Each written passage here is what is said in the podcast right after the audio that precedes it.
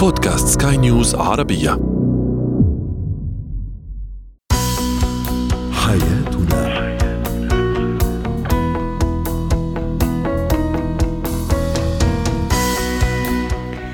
مستمعينا الكرام أهلا بكم معنا إلى حياتنا. فضاؤكم اليومي الذي يعنى بشؤون الأسرة وباقي الشؤون الحياتية الأخرى والذي يمكنكم الاستماع اليه عبر منصة سكاي نيوز arabia dot com slash podcast وباقي منصات سكاي نيوز العربية الأخرى. شاركونا عبر رقم الواتساب 00971 561 ثلاثة. معي أنا آمال شاب. اليوم نتحدث عن الهوايات المشتركة بين الشريكين وبين الزوجين. هل تقربهما أكثر من بعضهما البعض أم على العكس تشعرهما بالملل والروتين كيف نوقف الأطفال الذين وبعض الأطفال عن سلوك قد يتكرر أحيانا لديهم. يتعلق الأمر بالعض وأخيرا أنواع الموظفين وكيفية التعامل معهم.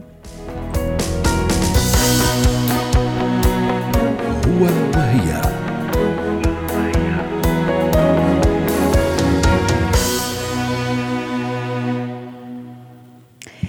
تحدثنا في حلقة سابقة عن أهمية الهواية لدى الشريك. أن تكون له هواية فالهواية بشكل عام لدى الشخص تساعده على الانسجام مع نفسه والشعور بالتوازن والاستقرار بل تمنحه أيضا القوة وتزيد من طاقته الذهنية والجسدية وتدفعه لممارسة عمله بمزيد من الحماس. ماذا إذا كانت هذه الهواية مشتركة هذه المرة بين الزوجين؟ هل فعلا تقرب فيما بينهما أم على العكس تسبب الكثير من الروتين أو الملل. دعونا نتعرف على هذا الموضوع مع دكتورة عصمة حوسو الاستشارية الأسرية والاجتماعية ضيفتنا العزيزة من عمان يسعد أوقاتك دكتورة عصمة. أهلا. يا أهلا وسهلا.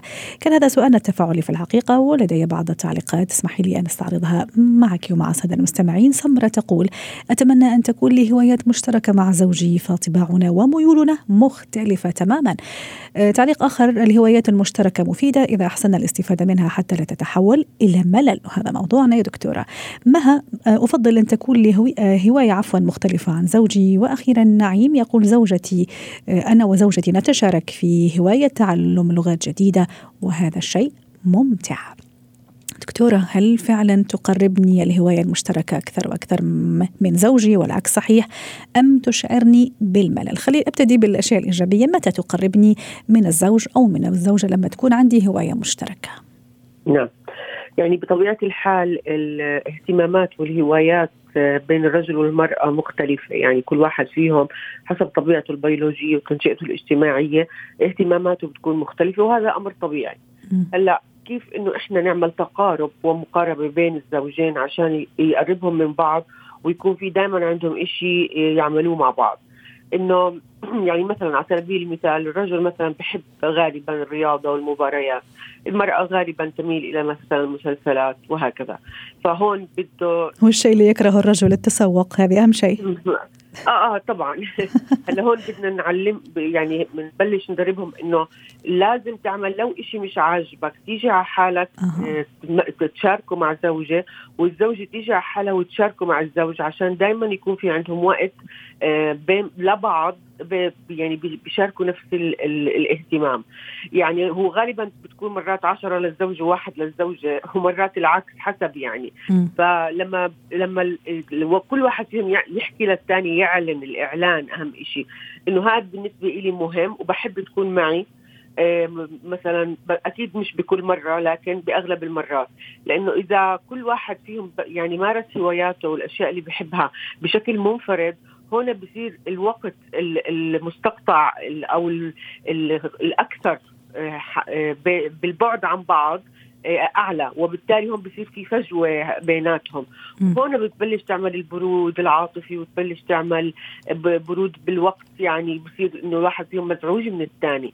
لكن لما يعمل الشغلة عن رضا وحب ويشعر الطرف الآخر آه، برضاه آه، احتراما له أو لها. يعني مثلا إذا طلبت منه الزوجة إنه يشاركها في التسوق وتختار على ذوقه. مش معقول يروح معاها وهو مكشر وبتنفتر آه لكن لما تبلش تعلن له إنه هذا إشي بهمني مش ما عم بطلب منك كل يوم أو كل مرة ولكن آه أحد المرات بحب تشاركني. فهون لازم يضغط على حاله ويجي على حاله ويعملها اللي بدها إياه يعني بحب. ونفس الشيء بالنسبة للزوجة إذا طلب منها مثلا يعني أنه تمارس أحد اللي أو أحد الهوايات اللي يفضلها. خلينا نقول زي ما تفضلتي في البداية مثلا مشاهدة مباراة كرة قدم أو أي شيء ممكن يحبه هذا الزوج لا بأس أنه ممكن المشاركة مرة أو مرتين حتى أحسس الطرف الآخر أنه هواياتك بتهمني وأحترمها قبل كل شيء. أحيانا في تذمر في الحقيقة صراحة خاصة إذا كانت هذه الهواية أبدا ما تتناسب مع شخصيتي ولا طباعي ولا ميولي. آه هلأ هذا حق كل شخص إنه يحدد شو اللي بحبه واللي ما بحبه. ولكن دائما ديناميكية العلاقة بينهم لازم خلق أش... أش... أشياء مشتركة وهي الأشياء اللي بتخلي العلاقة الزوجية أكثر صحة وأكثر ديمومة وأكثر استقرارا. فبالتالي هون إنه مش ما في موضوع إجبار ولكن في تفضيل. صح. آه، فكل شخص لما يعلن للثاني لكن أهم شيء إنه يتقن لغة الجسد والحضور رائع. الحضور وما في مانع أيضا دكتورة عصمت مدى اذا تشاركيني الرأي إنه نبتكر أو نخلق شيء جديد لا هويت لا هوايتك ولا هوايتي. ما أعرفش نعم. قصتي نعم. اليوم على الهوية. يعني, يعني لا هوايته ولا هوايتي. ممكن شيء جديد قد يجمعنا أو نكتشف إنه عم يجمعنا ويقربنا أكثر من بعض. 100% ففي أشياء مثلا بتكون فردية لكل شخص فيهم وهذا حق. الثاني ويجب مشاركتها مع الآخر آه، بكل من وقت لآخر. وهناك أشياء يعني دائما بطلب منهم لازم يكون في وقت نوعي مع بعض لحالهم سواء داخل البيت أو خارج البيت عشان يضلهم قريبين من بعض يضلهم يشاركوا بعض الأشياء وتصير العلاقة نوعية. صح. آه لأنه مرات بتكون الزوجة يعني مثلا ما بتصدق زوجها يطلع أو يسافر والزوج بيكون ما بصدق زوجته تنام. يعني بالعادة. لكن لما نخلق شيء جديد أو نطور مما هو موجود شيء يكون في تفاعل بين الطرفين ورضا وحب هنا يعني نحسن نوعية العلاقة بشكل كثير كبير. جميل. يعني مثلا حسب كل واحد فيهم شو نوعيتهم. مثلا إذا كانوا اثنين آه مثقفين بحبوا القراءة بيقدروا يتبادلوا الكتب يناقشوا كتاب آه مقال آه أو إذا حدا فيهم بكتب بيقدر يستشير الثاني. إذا مثلا بحبوا حضور الأفلام يجي يتفقوا على فيلم ممكن يكون مرضي للطرفين. سواء كان دراما ولا كان love ولا آه، رومانسي ولا اكشن ولا يعني في كثير شغلات ممكن يطلعوا يمشوا مع بعض ممكن يطلعوا يشربوا قهوة مع بعض. يعني في كثير شغلات مرات بتكون بسيطة مش مكلفة آه، بتحسن نوعية العلاقة. وهذا يعني من أهم النصائح اللي بقدمها للزوجين بعد الزواج أو لما بتكون بصيب العلاقة شوي نوعا من البرود. دائما بحكي إنه الروسنة أو سياده الروتين في العلاقة الزوجية تقتلها مع الوقت. وهون بتبلش كل حدا فيهم يكون له اهتمامات أخرى طيب. بعيدة عن الشريك. ومتى تكون دكتورة عصمت الهوايات المشتركة وإنه نمارسها بشكل يومي؟ آه، تكون أيضا نافذة آه، للملل والروتين وحتى نتفادى هذا أيضا. التنوع تنويع يعني بالأشياء. يعني ما يكون الأيام كلها روتينية شبيهة ببعض لأنه دائما الأشياء لو كانت تسعدنا في البداية عندما تتكرر وتصبح آه، روتينية آه، تؤدي إلى الملل. لذلك يجب التجديد والتنويع آه، ولا تكون أيامنا متشابهة لأنه أصلا الحياة ضاغطة بكلها بدون شيء يعني. صحيح. بالتالي هون وظيفتهم هم في داخل البيت وفي الداخل في علاقتهم إنهم دائما يعملوا أشياء متنوعة مختلفة. زياره أقارب استقبال أصدقاء لعب شده آه، ممارسة المشي يعني في كثير شغلات ليس لأنه مرات يعني مرات بسمع الشكوى مثلا إنه في الأشياء تطلبها مكلفة مثلا إذا قد يشكي. فبالتالي هون بنقدر إحنا نخلق أشياء بدل ما نضلنا قاعدين بالبيت يطلعوا ببعض زهقانين وكل واحد فيهم يتأفف ويتفشش في الثاني آه، في مرات لفة بالسيارة مرات بتقضي الغرض. يشتروا أشياء بسيطة يعني آه، ايس كريم ولا أي شيء ثاني يعني بتقضي الغرض. لما بالذات بيكون وضعهم المالي آه، محدود جدا. فمش مش بالضرورة كل شيء بيسعدنا مكلف. هو أكيد الأشياء اللي بتبسط مرات بتكون مكلفة ولكن نقدر إحنا نصنع صح. شيء من لا شيء. صحيح 100% شكرا لك دكتورة عصمت حسن ضيفتنا العزيزة من عمان الاستشارية الأسرية والاجتماعية.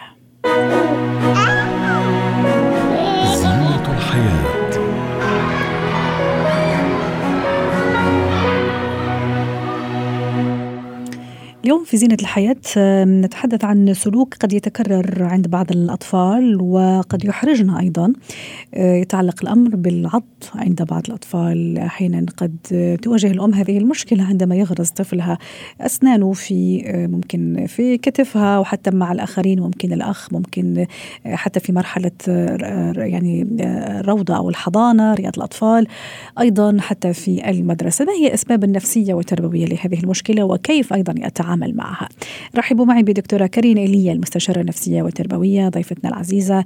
يسعد أوقاتك دكتورة كريم. أنا لا أتحدث عن لما طفل يكون يعني سنا في هذا المرحلة ممكن عنده ألم ممكن يعني عنده انزعاج. فأحيانا يروح يقوم بهذا السلوك ممكن العض في أي شيء وفي أي جسم يلاقيه قدامه حتى يرتاح شوي بين قوسين. أنا أتحدث في مرحلة شوية متقدمة في مرحلة الطفولة المتقدمة رياض الأطفال أحيانا حتى في المدرسة. إيش يخلي الولد يعض مثلا أخوه ولا أخته ولا حتى زملائه في, في رياض الأطفال والمدرسة؟ نعم يعني بالإجمال مثل ما ذكرتي العض هي فيها تكون طبيعية بمرحلة معينة من عمر الولد. لأنه هي المرحلة يلي اولا عم بيتم فيها آه بيكونوا سنين الولد عم يطلعوا عم عن في عنده وجع بالنيرة أو شيء إلى جانب آه المرحلة يلي بيكون الولد فيها عم يكتشف كل شيء من خلال تمه. لأنه الولد كل شيء تيقدر يكتشفه ويحسه بده يقطعه بتمه بالمراحل الصغيرة. أما بس يرجع يصير بالأعمار الأكبر مثل ما ذكرت عمر المدرسة أو شوي أكبر في أسباب اثنين ما في غيرهم. هو اولا العض هو فعل عدائي تجاه الآخرين أو ممكن يكون ناتج عن بعض المشاكل النفسية أو التأخر العقلي عند الأشخاص. وقت يكون فعل عدائي ممكن يكون أنا عم بعمل ردة فعل ممكن يكون أنا آه، عندي انفعالية ممكن يكون أنا معصب تجاه الآخرين. أنا كطفل قصدك دكتورة كريم يعني طفل اللي اللي يمارس هذا السلوك. نعم يلي م. نعم يلي عنده اللي بيمارس هذا السلوك بالعمر يلي ذكرتيه حديثك مثل عمر المدرسة يلي مفروض يكون آه يعني آه قطع بهيدي المرحلة بظروفها الطبيعية صحيح. يتخطاها وكمل حياته. صحيح. اذا يا يكون عنده نوع من العدائية أو نعم. يكون نعم. عنده ممكن تأخر إدراكي وتأخر نعم. تأخر سلوكي صح؟ عقلية أو نعم طب ممكن يقول مس... يكون مثلا عم يغير يا دكتورة ممكن عم يلفت انتباهي أنا كأم نعم. ممكن عنده جا مولود جديد للبيت وأنا كل اهتمامي ليه فعم يمارس هذا السلوك على إخوان وأحيانا حتى على المولود الصغير يعني على المولود الصغير الجديد ممكن يعمل هذا ال هذا ال هذا السلوك يعني قصدي الغيرة تلعب دور في هذا الموضوع؟ حكما. يعني هلأ اللي عم بتقوليه حضرتك هي الأمثلة على أفعال العدائية. مم. لأنه هيدا اللي عمله هو أو اللي بيعمله الولد هو يسمى أو يوضع ضمن خانة الأفعال العدائية يلي ممكن نشوفها نتيجة مجموعة أمور. إذا ولد بيتعرض للتعنيف بالبيت إذا ولد عم بغار إذا ولد مثلا هو بينعض في أهل بيعضوا أولادهم أحيانا تيقاصصون الولد هيدي اللغة بيستعملها هي ذاتها مع غير أولاد فالأسباب هي آه، أحيانا نستخدم هذا الأسلوب حتى نعبر عن حبنا ترى يعني بشكل يعني أنه يا الله قديش مثلا أنت حلو ولا أحيانا فالأم تستخدم هذا الأسلوب كتعبير عن الحب مو شرط أنه تعاقبه صح ولا لا دكتورة. ممكن هو يعني يستخدمه بعدين بطريقته وأسلوبه اللي يشوفه. صحيح ولكن حتى الأشخاص يلي بيكونوا عم بيراقبوا من الخارج على الرغم من إنه بيظاهروا فعل آه فعل تحبب الولد إنه أنا بحبه وعم بغمره وعضه هو فعل عدائي كمان من الأهل تجاه الأولاد. ف ومن غير ما نعرف ومن غير ما نعرف. من دون ويمكن هن كمان من غير ما يعرفوا. هيدا شكل من أشكال العدائية يلي بيكونوا هن عم يمارسوها وبتصير جزء من سلوكياتهم يلي ما بينتبهوا شو ممكن تكون عم بتسبب أو ينتج عنها. لأنه ولد أهل بيعضوه حكما بنشوفه هو ولد بيعض وبيشعر بالراحة. هو عم يعني عم بيعض أي شيء. لأنه بالنسبة له هذا فعل طبيعي. ومش بس طبيعي هذا فعل حلو. لأنه أهلي بيعملوه. والمفارقة دكتورة كريم ما ادري أيضا إذا تشاركيني إنه ما يعض الا إلا الأشخاص. يعني مثلا ما يروح يعمل هذا السلوك مثلا على دوميتو ولا على لعبة ولا على أي جسم صلب. لا على الأشخاص اللي في إحساس وفي تألم وفي ألم صح ولا لا؟ آه لا مش بالضرورة أها. مش بالضرورة. لأنه لأنه كمان بدي أشوف أنا شو مفهومي للعض أنا العض بالنسبة لإلي كولد. بأي يعني بأي إطار عم بوضعها لهيدي الشغلة مم. وأنا شو بفهم من العض وشو الرسالة اللي بدي أوديها. يعني إذا كنت عدائي فحكما لازم يتألم الشخص وأحس أنه آه، تألم. إذا كان ممكن الأسباب اللي ذكرتها حضرتك في البداية تأخر إدراكي نفسي ممكن يروح يلجأ حتى للأجسام الصلبة والأجسام اللي يعني اللي يعني مش حية بين قوسين. حكما 100% واحيانا كثير إذا أنا بداخلي في عندي أفعال عدائية أنا ممكن عض اللعبة آه، وممكن لأنه لأنه مثل ما بنعرف إنه الأولاد بمراحل معينة من عمرهم هن وعم يلعبوا أحيانا كثير آه، بيعيشوا اللعبة. يعني لدرجة إنه بيصيروا هن ضمن اللعبة. مثلها فبس يكونوا عم يلعبوا بالألعاب الصغيرة وغيرها. أحيانا كثير بتصدقي عم ينغمس. بخبروا عم صح صح. ينغمس عم يعمل حوار. صح. صحيح. 100% دكتورة كريم أنا أنحرج كثير من هذا الموضوع كأم أو أب. أحيانا أروح زيارات أروح مدري إيش لما كذا. وأفاجأ أنه ابني عض أحد الأولاد وصار يبكي وعملنا كذا كركبة في في الزيارة وفي اللمة. كيف أتصرف؟ كيف أتعامل مع هذا الولد؟ خاصة إذا يتكرر عنده كثير هذا الموضوع. نعم هلا في شغلة كمان كتير مهمة بدي أشوف أنا من وين جاي العض عند ابني. لأعرف كيف بدي أتصرف معه. إذا هيدا العض أنا من عندي من البيت أنا لأنه آه، بعض ابني قبل أو لأنه هيدا الفعل هو فعل عدائي وبلش يتكرر عند ابني وصار عادي آه، شو ما كانت الأسباب أنا بدي أعرف اكتشفها. ولكن السبب الأساسي أو الطريقة الأساسية لاستعمالها مع ابني لحتى يوقف العض. اولا بدي أبتعد عن العدائية بمنعه من ممارسة العدائية. لأنه في كتير أهل بنشوفهم ابنهم مثلا إذا عم بي تنقول عم يضرب أصحابه بيركضوا عليه وبيضربوه تيبطل يضرب. مم. هذا فعل وسلوك غير محبب وغير مرغوب لمنع ولد من ممارسة فعل معين. صح العدائية تولد عدائية وضرب يولد ضرب. حكما. حكما وما رح يفهم الولد ليش. أنا عم بمنعه من ممارسة العدائية. أنا وعم بمنعه بطريقة عدائية. لها سبب كثير مهم. اشرح له كثير مهم.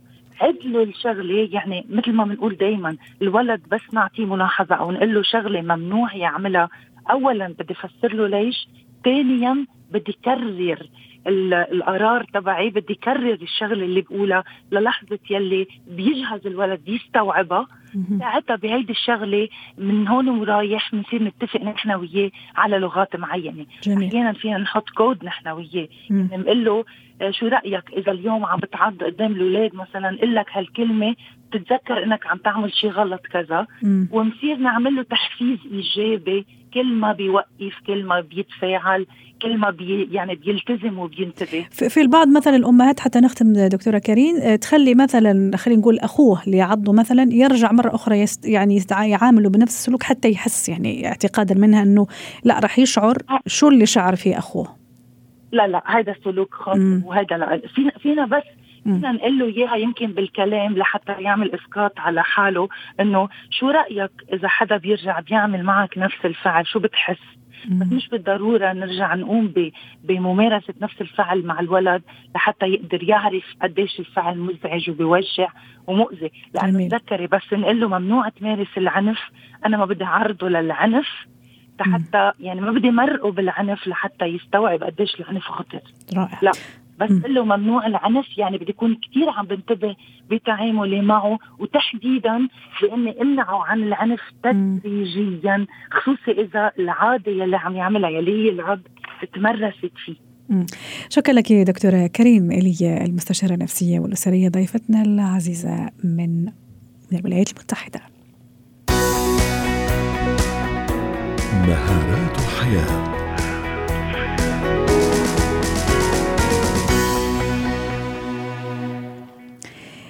اليوم سنتحدث عن بيئة العمل والموظفين أو أنواع الموظفين في هذه البيئة. طبعا بيئة العمل كغيرها من المجتمعات المصغرة تتميز بتنوع الشخصيات والخلفيات الثقافية والفكرية والطباع أيضا الشخصية للموظفين وحتى للمدراء. اليوم سنتحدث عن كيفية التعامل مع هؤلاء الموظفين على حسب طباعهم وشخصياتهم. رحبوا معي بتانيا عوض غرة مدربة مهارات الحياة. سعد أوقاتك أستاذة تانيا. أه، تحبين نبتدي بالصفات السلبية أو الإيجابية من الموظفين؟ عفوا. نبتدي بالإيجابيين ولا بالسلبيين؟ لا لا لا الإيجابيين؟ لأنه أنا لا لا اجد سلبيه بأحد بدك يلا نبتدي بالموظف في مثلا الموظف ال ال الذي ينجز أو الذي ينجز أعماله الموظف الإيجابي والمتفائل. كيف التعامل مع هذا النوع من الموظفين وإن كان ما يعذبنا كثير في الحقيقة؟ صحيح للصراحة هالنوع من الموظفين كل مؤسسة بتحلم إنه يكون كل موظفيها من هذا النوع. ولكن هذه الشخصية الأوفر أتشيفر من إلا أو الأتشيفر الذي يحب الإنجاز الذي هو إيجابي. ولكن حتى بهذه الشخصيات هنالك تعدد أنواع من تلك الشخصيات. صح. وبالتالي هذه من أسهل الشخصيات التي نتعامل معها كإدارة. ولكن هذه الشخصيات قد تواجه مضض من زملائها لأنها تنجز ولأنها تذمر. ولأنها طبعا ولأنها تسحب ما هو سلبي لوضع طاقة إيجابية. وتلفت الانتباه وتلفت الأنظار وعادة تكون هي المحبوبة وهي اللي يعني التركيز عليها بشكل أكبر لأنه شخص إيجابي وما يعذب كثير في التعامل وبصير زملائه بالعمل هن اللي بيشكلوا له إشكالية ومع الوقت يمكن إذا حدا منهم عنده إشكالية معه يمكن يصير يحط له عقبات لحتى يحقق هذا الأمر لأنه يعني بيلاحظوا التفرقة في التعامل إذا بدك الموظف الموظفين وما في إنسان بحب يشعر إنه هو بنظر آه، الإدارة أو الباقي الموظفين إنه هو أقل. صحيح. آه، فإذا هن هدول من من أسهل الشخصيات بالنسبة للإدارة ولكن قد يواجهون صعوبات مع زملائهم بالعمل. أيوه. وهذا راح أخذ من هذا النقطة وأروح على شخصيات أو موظفين من نوع آخر. ممكن اثرتي أنت نقطة كثير مهمة. ممكن راح يضايق بعض الناس. ممكن يعملوا له مشاكل.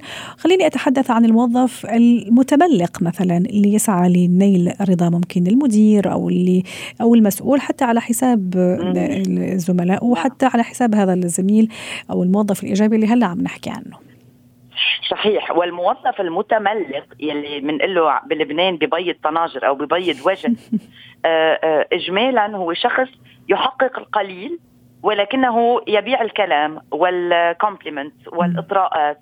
وإلى ما هنالك ليحافظ على مكانته في العمل، فاذا إذا ما نظرنا من خارج الشاشة إلى هذا النوع من الشخصيات في العمل آه، سوف نرى أنهم شخصيات لا تحقق الكثير وعندهم خوف على مكانتهم لأنه عارفين إنه إذا ما بيعملوا هيك بالتحقيق بال يعني تحقيقا بعملهم آه، عندهم مشكل. يعني الأرضية المهنية إذا صح التعبير مش كثير صلبة في يعني يستخدم الطرق أخرى. طيب كيف نتعامل معه هذا ست حتى نروح لشخصية أخرى ونستفيد من الوقت؟ للصريح للصراحة الشخصيات اللي لازم يتم التعامل معها بصرامة اللي هي من هذا النوع هي الأشخاص الموجودين بمواقع إدارية يعني ال HR إدارة شؤون الموظفين أو مدراء القسم لازم يحطوا لهم آه، آه، إطار لأنه الموظف يلي مثله معه بالمكتب ما عنده مجال يحط له حد لأنه لأنه ما عم بيتملق له عم بيتملق للي بدرجة أعلى جميل. عم بيبيض وجه مع اللي بدرجة أعلى. فاذا على الإدارات وإدارات الأقسام وإدارات شؤون الموظفين هي ساعتها إنها آه، تحط حد وتعرف إنها عم تتعامل مع هالشخصيات وتعطي ثقة لباقي الموظفين يفهموا إنه الإدارة واعية على هذا الأمر. جميل. ممكن حتى نضيف لهذا النوع من الموظفين يعني ما في كثير اختلاف. يعني في اختلاف بسيط وممكن يتشاركوا في بعض الأشياء اللي هو الموظف النمام أيضا ست تانية نعم م. نعم آه, آه، كمان الموظف النمام هو الموظف يلي عم بيسعى كلنا يسعى لتلبية حاجة ما بحياته م. الموظف النمام ليس شريرا آه، بالولادة والمتملق ليس شريرا بالولادة هي عمليات تكتيكية أو استراتيجيات يعتمدها البعض لتلبية حاجات هي بالأصل جميلة وكلنا نملكها م. مثلا النمام يسعى للفت الانتباه ليكون مصدر الخبر ليكون المرجع آه، ليكون الشخص الذي آه، يستمع إليه الآخرين. طيب. وأنا وأنت وكلنا لدينا هذه الحاجة إلى أن نكون مرجع موثوق إلى أن نكون آه، طيب. أصحاب خبر وإلى ما هنالك. طب نروح للموظف الكسول أستاذة تانيا الموظف الكسول آه، موظف لا آه، غير آه، مرغوب فيه. غير غير مرغوب فيه. ما بيحب عمله كمان. هو شخص عم بيعاني ما ملاقي شيء بحبه أو مبسوط فيه. اذا هو هنا غصبا عنه. وللأسف بلاقي منهم كثير هالموظفين يلي ليش أنت هون؟ بيقول لي لأنه أنا ما لقيت شيء أفضل بإطار عملي. أنا ما طيب. لقيت شيء آخر. طيب كيف كيف نتعامل معه هذا ست تانية؟ هيدا أيضا على مم. المؤسسات وال HR والمدراء الأقسام أن يتنبهوا للأمر أن يسعوا لإيجاد ما يحفزهم لأنه هو أشخاص بحاجة للتحفيز بمكان ما مم. يمكن هالموقع بالوظيفة ما بيناسبه في موقع آخر بالوظيفة إذا بعطيه هالشخص ممكن يصير منتج بدي أشوف طاقاته وين ممكن يحطها ويمكن. لاقي إنه هالموظف منه ضابط بكل هالمؤسسة فلازم فكر سياسيا كيف أنسب أني أستبدله لأنه عم بحط لي عقبات بالعمل. وعم ببطئ لي العمل صحيح. ولكن قبل ما أوصل لهالنقطة من الضرورة أشوف كل إنسان عنده عطايا وعنده مقدرات يمكن مش ضابط بهالقسم إذا بحطه بقسم آخر ممكن يبدع ساعتها ويصير منتج تماما شكرا لك أستاذة تانية عوض غر مدربة مهارات الحياة ضيفة عزيزة من بيروت حياتنا